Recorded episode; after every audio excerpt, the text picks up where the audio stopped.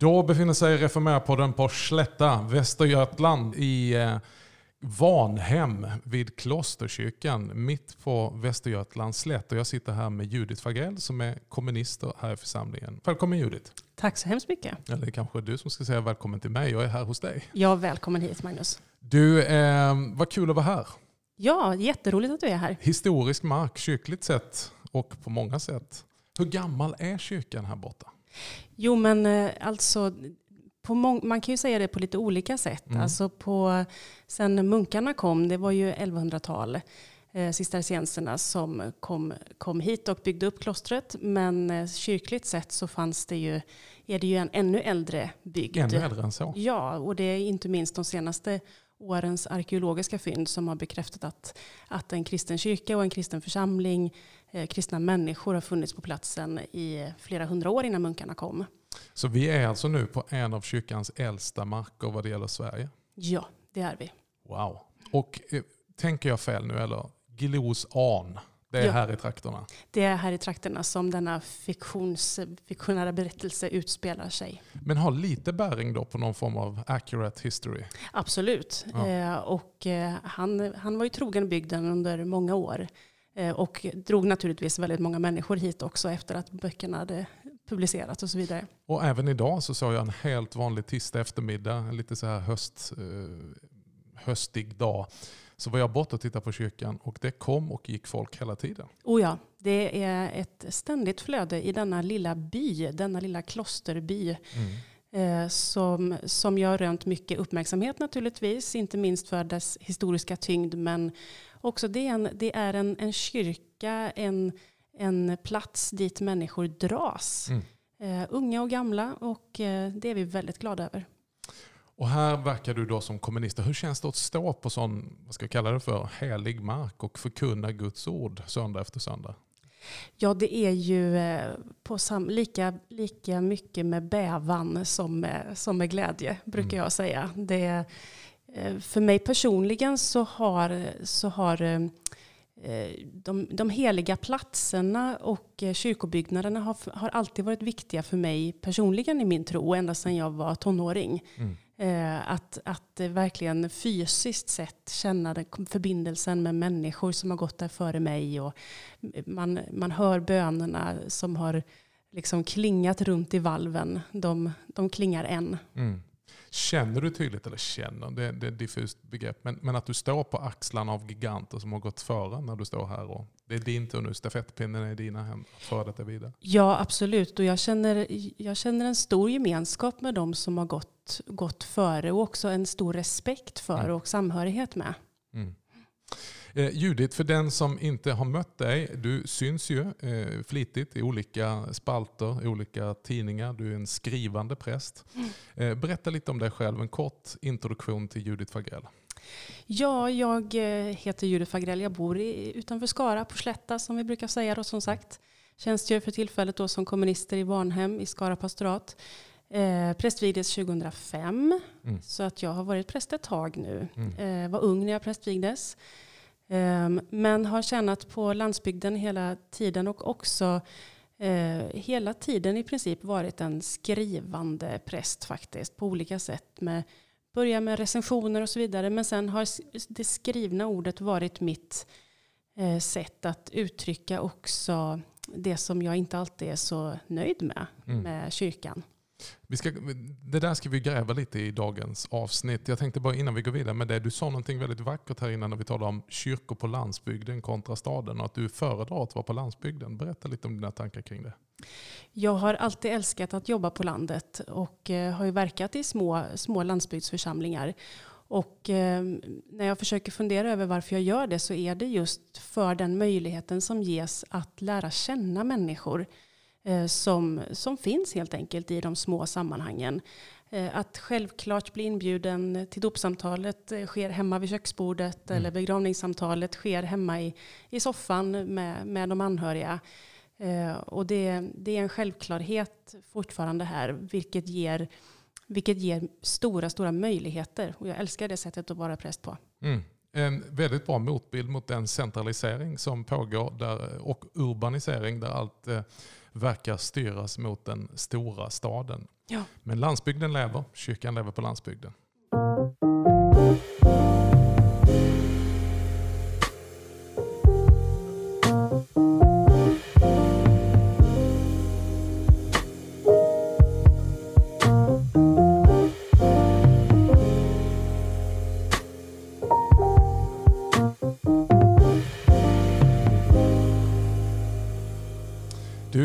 Du du beskrev dig själv här i början av programmet och även i en presentation där du för bara en kort tid sedan var en av våra medverkande talare i Mission i Sverige som en, jag tror du uttryckte dig som en lojal kritiker från insidan av kyrkan. Det där tycker jag är spännande. Berätta, hur tänker du kring det och vad var det du sa?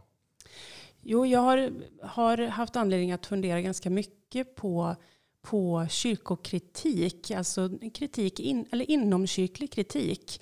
Eh, vilket för en del låter som, eh, som ett eh, jobbigt begrepp. Mm.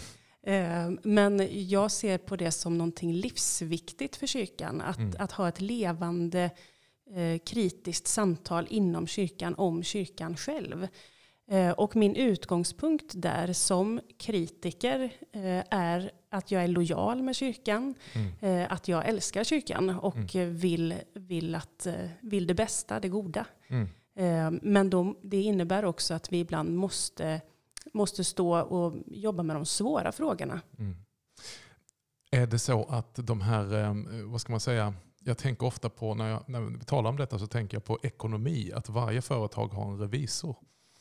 Och revisorn är ju eh, lojal men inte en supporter som bara ska liksom, ja men vi trocklar till det här. Utan revisorn finns ju där för att granska ekonomin. Eh, har vi för lite andliga teologiska revisorer i våra sammanhang idag? Ja, det skulle jag absolut säga. Och vi har alldeles för många ja-sägare. Mm. Eh, och eh, någon, eh, något av det farligaste en ledare kan göra är att omge sig med ja-sägare. Mm. Eh, och det ser vi bland politiker, bland företagsledare. Ja, oavsett vilken typ av organisation eller gemenskap så är det det farligaste en ledare kan göra. Mm. Eh, och, det, och det, motsatsen gäller att det viktigaste för en ledare är att omge sig med den som vågar säga sanningar. Precis, truth to power som man säger. Mm. Men du, då är det vissa som skulle säga så här, ja fast det är farligt att säga vad man tänker och vad man tycker för då kan man ju lätt eh, Cancelkultur finns ju även i kyrkliga sammanhang. Man kan hamna i frysboxen. Har du varit rädd för det någon gång? Eh, jag kan inte säga att jag har varit rädd för det någon gång, men även om jag, jag har upplevt det. Mm, mm. Eh, inte minst att eh, alltså den tysthetskultur som är väldigt utbredd i Svenska kyrkan, mm. tyvärr. Eh, där, vi, eh, där vi som är präster inte sällan är ganska rädda om våra tjänster, mm. om våra lönekuvert och så vidare. Och våra förmåner. Eh, och väljer att inte vara öppna öppna till exempel med kritik. Mm. Eh, och det är en tråkig och farlig utveckling tror jag. Och jag tänker också att man missförstår där vad kritik är för någonting. Jag hade en vän som sa till mig att det är bara den som verkligen bryr sig om dig och älskar dig som kan säga till dig att du har dålig andedräkt. Mm, Alla andra bara, bara försvinner liksom. Mm. Eller ryggar undan och kanske talar bakom ryggen på dig. Men mm. den som verkligen älskar dig som person och har omsorg om dig säger du, ta en halstablett eller fixa det, du luktar förfärligt i, munnen, du har dålig andedräkt. Mm. Och ibland så tänker vi, eller tänker jag att vi tänker om, om, om kritiker att ja, men de är bara emot. Men tvärtom är det kanske att den som vågar höja rösten och kritisera konstruktivt är den som älskar mest. Mm. Ja, jag, min, den kritik som jag ibland har fått eh, känt mig nödgad att framföra eh, kommer ju av kärlek. Mm. Eh, för att jag ser att, att eh, kyrkan eller olika sammanhang är på väg åt fel håll och att mm. vi, vi har ett arv som, eller någonting som vi vill bevara och som vi vill utveckla men att vi är på väg åt fel håll ibland. Är det ett högt pris att betala? Ja, det kan vara ett ganska högt pris att betala. Eh, med förlorad vänskap mm. har jag varit med om. Mm. kollegor som vänder en ryggen. Mm. För du har ju inte bara gjort det på lokal nivå utan dina tankar eh, som du framför med den äran har ju också skett på nationell nivå på olika sätt och vis i olika fora. Mm. Ja, och, och, det som säkert många tänker på eller känner igen det är ju till exempel skolavslutningsfrågan ja, när den var, var aktuell. Mm. Eh, som ju var minst sagt eh, medial, vilket ju inte fanns en plan hos vare sig mig eller det kyrkoråd mm. eller den församling där jag tjänade. Eh, men så blev det och, eh, och så, det kan man ju aldrig veta innan. Mm. Eh, Men jag, för mig är det viktigt att eh, den, de, de beslut som fattas i, i små rum eller i små församlingar, i obetydliga församlingar ur, ur vissa ögon, de, de måste vara lika giltiga och ha samma bäring i, i det stora sammanhanget. Eh, bara för att någonting blir medialt så kan inte jag backa. Mm. Eh, utan då beslutet och grunden för besluten är, är lika viktiga oavsett om de blir offentliga eller inte. Mm. Du, använder ju, du har använt många olika forum. Eh, när jag stötte på ditt namn första gången så var det i en tidskrift, Evangelium. Mm. Eh, den har sedan också uppstått som en podd. Eh, och du använder pennan som ett av dina främsta verktyg. Eh, berätta, hur kom detta, hur föddes detta fram? De här olika initiativen och att du är en skrivande präst. Som person har jag alltid varit skrivande egentligen. Alltså Mm. det följer med mig ända sedan jag var barn. Att jag Mm. har alltid skrivit mycket. Och när jag var barn jag skrev dikter och jag skrev små noveller. Och, och, eh, och även i skolan. Så det har varit ett, ett naturligt verktyg för mig alltid. Eh, Och jag är också en läsande människa. Så att, jag, ja, att skriva och att läsa har varit eh, det sätt som jag har förkovrat mig och också utvecklats.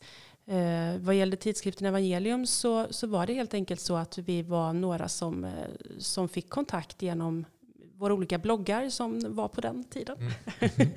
jag och Sofia Lille Jönsson och Miriam Bredén Klebäck var det som, det. eh, som, och Per Parbring som, som började läsa varandras eh, bloggar och fick kontakt på det sättet. Och, sen så, och vi, vi, delade en, en, eh, vi delade en vilja att, att eh, fördjupa det, liksom det inomkyrkliga samtalet och ja, att skapa ett forum för svenskkyrklig kritik och kultur. Mm.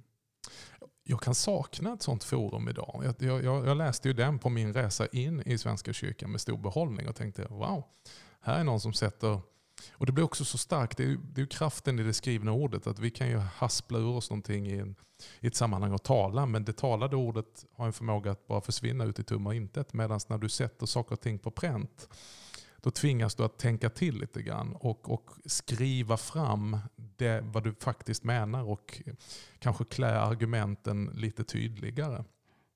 Eh, varför finns inte det forumet längre? Ja, nej men det, och jag håller med om att det är precis så. att Jag brukar se det själv så att när jag, när jag läser vad jag har skrivit så ser jag om det är sant. Exakt. att, eh, att jag kan säga ja, nej men så här, det här stämmer faktiskt. Eller det här, är- så här är det inte riktigt. Utan jag måste formulera om mig.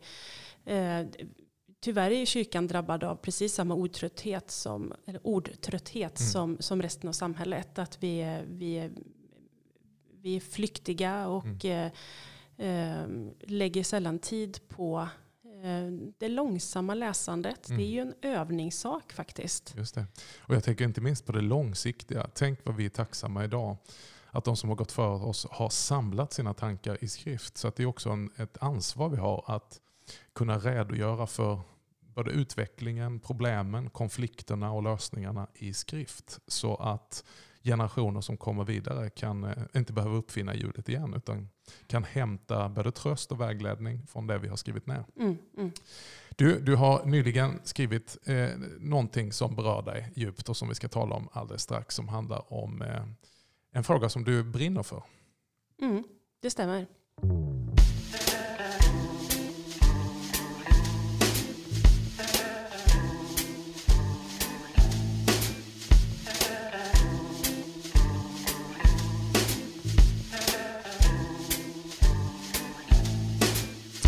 Du Judith, eh, som jag har sagt här nu innan så är det säkert många som har stött på dig i olika fora. Eh, det skrivna ordet du har skrivit för tidningen Dagen.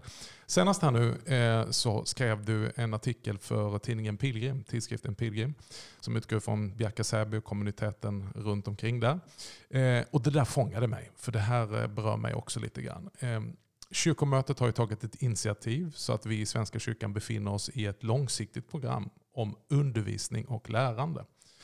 Och det är ju positivt. Men eh, som jag har förstått det, du får rätta mig om jag har fel, så har du också eh, riktat en viss form av ska vi kalla det för, om inte kritik, så önskemål om en ännu tydligare hållning i vad man menar med detta. Och I din artikel så berör du, eh, om vi sammanfattar det du ska få utveckla, just också att vi kan inte bara tala om kunskap, utan kunskap måste leda till lärjungaskap. Och då är det kanske inte bara kognitivt lärande, utan också formation rent praktiskt. Berätta lite grann om artikeln och hur du tänker kring både initiativet, biskopsbrevet som har kommit ut kring det här. Du, du har tankar om detta, eller hur?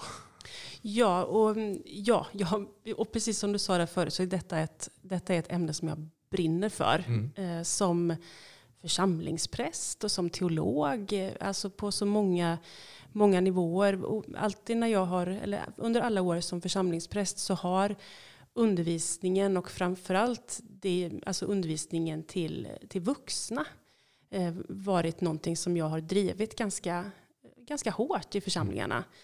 Eh, till, min, till min förskräckelse ser jag att eh, bibelstudier är, finns inte i alla de församlingar. De lyser med sin frånvaro väldigt ja, mycket. de finns inte i alla församlingar. Mm.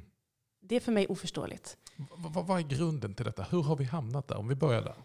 Jag tror att eh, ibland när jag ställer den frågan till kollegor så, så säger man så här, nej men bibelstudier det låter så, det låter så allvarligt, det låter så eh, avancerat och så vidare. Så, ja men kalla det vad du vill. Bara, jag bryr mig inte om vad du kallar det. Bara man, bara man studerar och läser Bibeln tillsammans. Det är det som är poängen.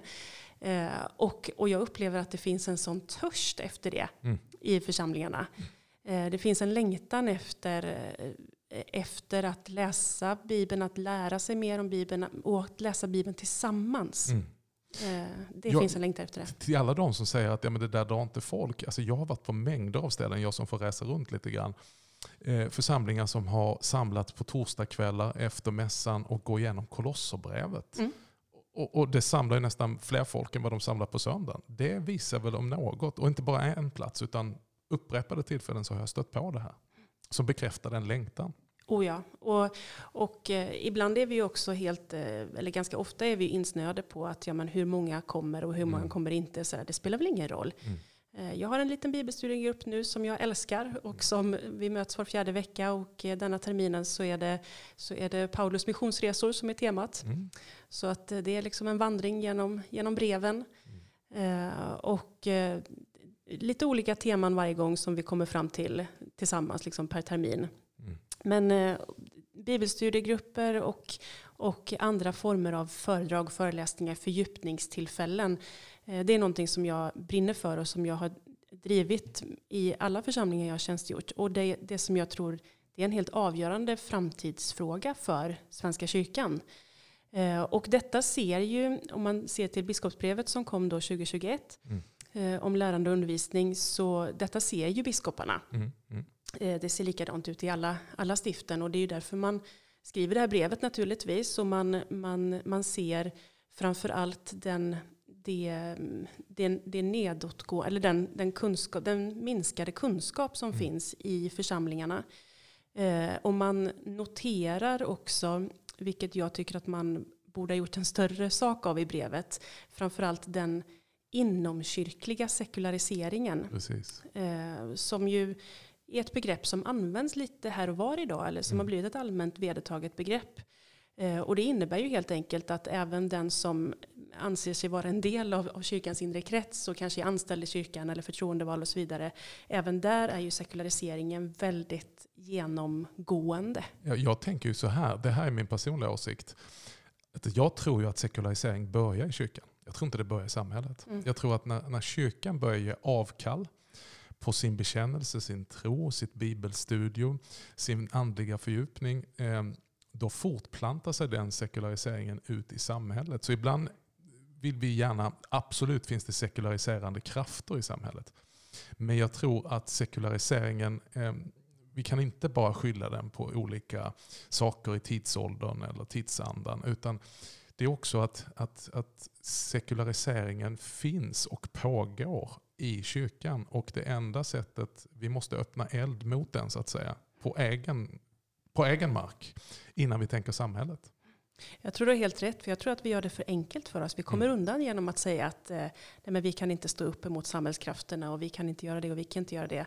Eh, nej, det kan vi ju på ett sätt inte, men vi kan ju göra någonting med oss själva. Exakt. Eh, och eh, jag tror att det är helt, helt en, en riktig spaning, liksom, mm. att, att eh, det är när vi gör avkall på vårt eget som Eh, om vi säger det spelar ingen roll, ja, men varför ska det spela roll för andra människor då? Precis. Men du, nu har vi en möjlighet här då, eh, men, men som behöver liksom nå ända fram. Där kyrkan som, som hel organisation upptäcker detta och istället för att bara lansera ett ettårigt projekt, vilket jag tycker är bra, så, så, så tar man ut en riktning och säger att nu, nu ska vi satsa på undervisning och lärande. Men då har du lite tankar kring det. Och du skriver i senaste eh, numret av Pilgrim eh, inte skillnaden, men att det finns någonting mer än bara kunskap. Och du nämner ordet, ordet som man inte får säga, höll på att säga. Nej, men det här ordet som jag med frikyrklig bakgrund är ganska bekant med, men så märker jag att när jag talar om det i svenskkyrklig kontext så kan det lätt bli, ah, lärjungaskap talar vi inte, det kan lätt skapa elitism, det kan skapa grupperingar och så vidare. Men du drar en lans för lärjungaskapet. Ja, det gör jag, för jag tror att det är det som eh, det är det som vi har att komma med. Eller det, är det, mm. det är den möjligheten som ges. Och jag tror också att det är det människor längtar efter. Mm. Eh, när vi har i, i Svenska kyrkan med den lutherska traditionen så har vi en stark pedagogisk tradition mm. med stort fokus på det intellektuella. Mm. Eh, och det är stora gåvor mm. vi har i vår kyrkotradition. Men det kantrar lätt över. Mm. Eh, till att, till att tron bara handlar om det som sitter i hjärnan. Man gör kyrkorummet till ett klassrum helt ja, enkelt. Precis. Eh, och ehm, och det, det tar ju biskoparna också upp i, i, i biskopsbrevet och det, det är också någonting som har lyfts mycket på eh, ja, sen kyrkomötet var tematiskt häromåret med, mm, med det här undervisningstemat och så vidare. Eh, men, men det är fortfarande så att vi är så bundna av den här traditionen så att mm. vi har svårt att liksom ta oss ut den. Vi kan tala om att tron är praktik och så vidare men, men vi har väldigt svårt att, att ta steg på den, på den vägen. Mm. Och då menar jag att, att ordet lärjungaskap visar på vad det handlar om. Att det handlar om att slå följe med Jesus, att lära känna Jesus och också att bli sänd mm. därifrån. Eh, att, att tron, tron är praktik, tron är en vandring med Jesus, men tron är också att bli sänd och få ett uppdrag. Mm. Och jag tänker att det ligger i kallelsen, gå ut i hela världen och skapa medlemmar. Nej, mm. gör lärjungar. Mm. Döpande dem, där lyckas vi hyfsat, men sen också lärande dem. Kan det då kantra menar du att när vi tänker lärande så tänker vi kognitiv inlärning, klassrummet och bara bibelstudier, även om vi har efterlyst att vi behöver mer av det. Men, men vad, om, om jag ställer den här öppna och stora frågan, hur gör man då lärjungar? Ja, precis den öppna och stora frågan. Jo, men att, att göra lärjungar är ju att, alltså naturligtvis att göra Jesus känd, där måste mm. vi börja. Mm. Alltså, några av oss har fått ett särskilt uppdrag att göra det. Mm. Eh, och att, kalla män, alltså att ta människor i anspråk. Att, kall, att hjälpa människor att se sin egen kallelse. Eh, att, att ta på allvar den kallelse som Gud har gett var och en. Att mm. den inte behöver likna prästens eller kantons eller vem, vem det nu kan vara. Eh, och att låt, hjälpa människor att upptäcka vad Gud gör i deras liv. Mm. Eh, och inte minst att, att det kristna livet är ett liv på helgelsens väg. Mm. Att det mm. faktiskt är skillnad före och efter. Eh, och där är vi också väldigt där, där tycker vi ibland att vi går på minerad mark. Mm, vi är lite försiktiga när det kommer till omvändelsebegreppet till ja. exempel. Ja, men, men det, är, det är skillnad. Det ska vara skillnad på det mm. kristna livet. Mm. Annars kan det ju kvitta. Mm. Eh, men det kristna livet är någonting annat. Mm. Eh, och, och har annan, vad ska man säga, andra parametrar eller annan standard än, än det sekulära livet. Mm. Jag vet att du i artikeln skriver också om det här att ta det vidare så att vi inte bara handlar om att ge kunskap, du talar om erfarenheter från konfirmandarbetet, utan också göra efterföljelsen handgriplig, praktiker. Berätta lite mer om det. Jo, jag, jag tänker ofta på, jag har haft många konfirmandgrupper under mina år som, som präst.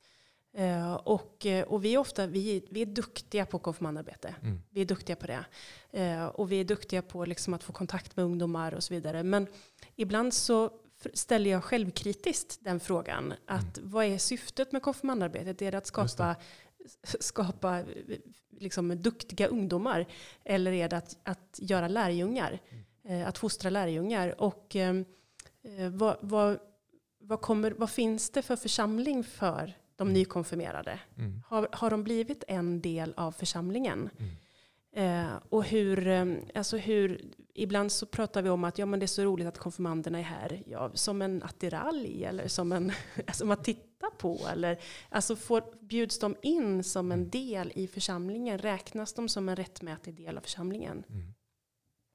Och, och vad, vad, vad, kan du då, liksom, vad har vi för någonting att ösa ur hela vår kyrkas rika arv av just det här när man lär sig lärjungaskapet, inte bara då genom bibelstudier, utan vad finns det för några praktiker, formation. Det är, det är sådana ord som jag kanske saknar lite grann i det här samtalet om lärande och undervisning. Att mycket i mitt kristna liv har jag ju inte bara lärt mig genom studier. Utan hantverket så att säga. Nu hantverket som präst, men jag tänker också det rent handgripliga som kristna, att ta rygg på någon. Att, att konkret, Paulus han säger, följ mig så som jag följer Kristus. Att ta rygg på någon. Mm. Vad har vi för någonting att erbjuda där? Att, att tala om, om jag menar att visa på till exempel det, det regelbundna gudstjänstfirandet. Mm. Eh, att inte bara bjuda in till det som en, som en detalj i kristenlivet. Mm. Utan att, att detta är kristenlivets puls. Mm. Eh, att konkret böneskola. Mm. Mm. eh, hur, gör, hur gör jag när jag ber, som lärjungarna säger? Alltså lär oss att be. Eh, det, det säger ju konfirmander varje år. Om, om vi nu tar konfirmanderna som exempel. Hur gör man när man ber? Mm. Och tonåringar är ju frimodiga ofta och ställer den konkreta frågan som alla vuxna går och tänker på men inte ja. vågar fråga. Exakt. Alltså hur, hur gör man då när man ber? Mm. Eh, och så frågar man, ja, men hur tänker du själv? Ja, men man knäpper händerna kanske mm. för att mm. stilla sig lite. Och, och, och, ja, det här att du kan tala till Gud som, som din förälder. Och, mm. eh, alltså konkret böneskola, eh, gudstjänstlivets regelbundenhet. Eh, ibland så blir vi också fokuserade på jag är all för att, eh, att man eh, är många som är aktiva i gudstjänsten och mm. delar liksom, lekmän och, och vigda. Men ibland så blir vi så fokuserade på att på, på eh, liksom att alla ska göra någonting. Genom en uppgift. Ja, genom en uppgift ja, ja. Och inte tänka, ja men alltså lyssnandet och deltagandet, kyrkbänks, kyrkbänksämbetet som jag säger ibland. Just det. Wow. Att det, det är liksom en, en nog så viktig mm. del. Jag tror det var Katrin Karlsson som är ungdomspräst i eh, domkyrkan i, i Strängnäs. Eh, förlåt Katrin om det inte var du, men, men eh, jag för mig det var hon som sa just om konfirmandsarbete att kommer konfirmanderna och frågar ärligt så bara hur är man en kristen? Så yngre ledare svarar ja hur tänker du själv? Medan om de går till bönetanterna som hon sa, ja det är enkelt. Fira din mässa, läs din bibel, Läs i psalmboken, lär dig psalmerna. Alltså det var handgripligt mm. på något sätt och väldigt tydlig praktik. Och där kan jag tänka att vi har missat i vår vorm här nu då för lärande, alltså så att det inte bara blir en kunskapsintensiv plöj de här böckerna.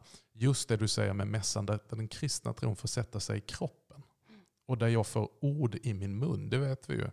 Att när vi tillräckligt många gånger har hört melodierna, sjungit bönerna, eller bett bönerna så, så har vi fått ord i vår mun som egentligen inte är våra egna men som har blivit våra egna. Så att när vi också i vår ensamhet så har vi ett mönster för vår bön, vi har ord för vår bön. Eh, ja, att mässan eh, är en väl så god eh, plats att forma lärjungar på. Eller vad tänker du? Ja absolut och ibland så tänker vi att gudstjänsten eller mässan är, måste vara mm, det, det, är ju ett felslut vi gör väldigt ofta när vi talar liturgi. Att, att allting måste vara förståeligt i bemärkelsen intellektuellt mm. greppbart. Eh, samtidigt som ju vi, vi, vet att allt är ett mysterium mm. och, och ogreppbart.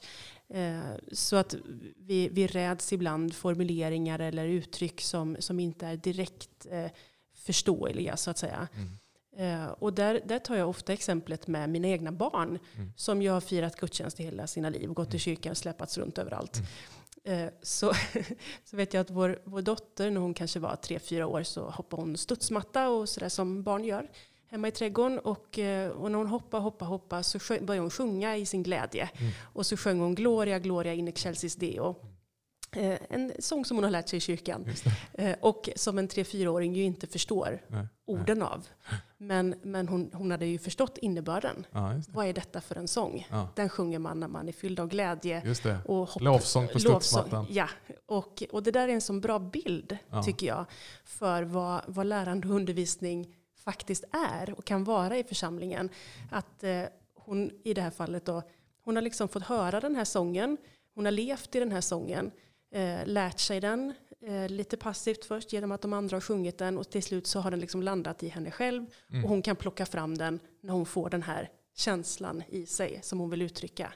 Eh, ja, det är underbart. Ja, härligt. Du Judith, tiden går snabbt när man har kul. Eh, om du skulle säga någonting till- i slut.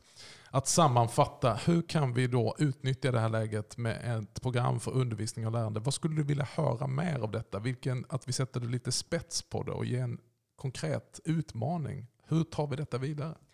Alltså en, en konkret utmaning det är alltså, i, tänk om i varenda församling så fanns det en bibelstudiegrupp. Mm. I varenda församling så började man ha lite föredragskvällar. Mm. Och i varenda församling så började man diskutera så här, vad betyder, eh, när vi läser tidningen tillsammans, vad, Mm. vad betyder det som vi läser där i vårt kristna liv Just idag? det. Bibeln i ena handen, dagstidningen i den andra. Precis. Hur bygger vi bron emellan? Ja. Du Judith, en sista fråga. Du är en skrivande präst och du gör det med den äran. Tack för att du tar dig det besväret och skriver så att vi andra också får glädje. Vad skriver du på just nu? Eh, Just nu håller jag på att skriva på ett kapitel till en spännande bok som eh, kanske kommer någon gång nästa år. Eh, Och så skriver jag på en recension till Kyrkans Tidning. Så att det är lite allt möjligt. Och när får vi se en bok som det står författare Judith Fagrell? När Ja, vi du den får- kommer? Ja, vi får väl se lite, men det är ju många drömmar jag har. Härligt. Tack Judith för att vi har fått vara här med Reformerpodden i Vanhem och den fina klosterkyrkan som finns utanför fönstret. Gud välsigne dig i din fortsatta uppgift. Tack. Stort tack till dig som har lyssnat på Reformerpodden ytterligare en fredag. Vi sänder alltså härifrån eh, Västergötland och Slätta. Och några fler program kommer just från den här trakten. Men tills nästa fredag så syns vi igen om Herren vill och vi får leva. Tack för idag.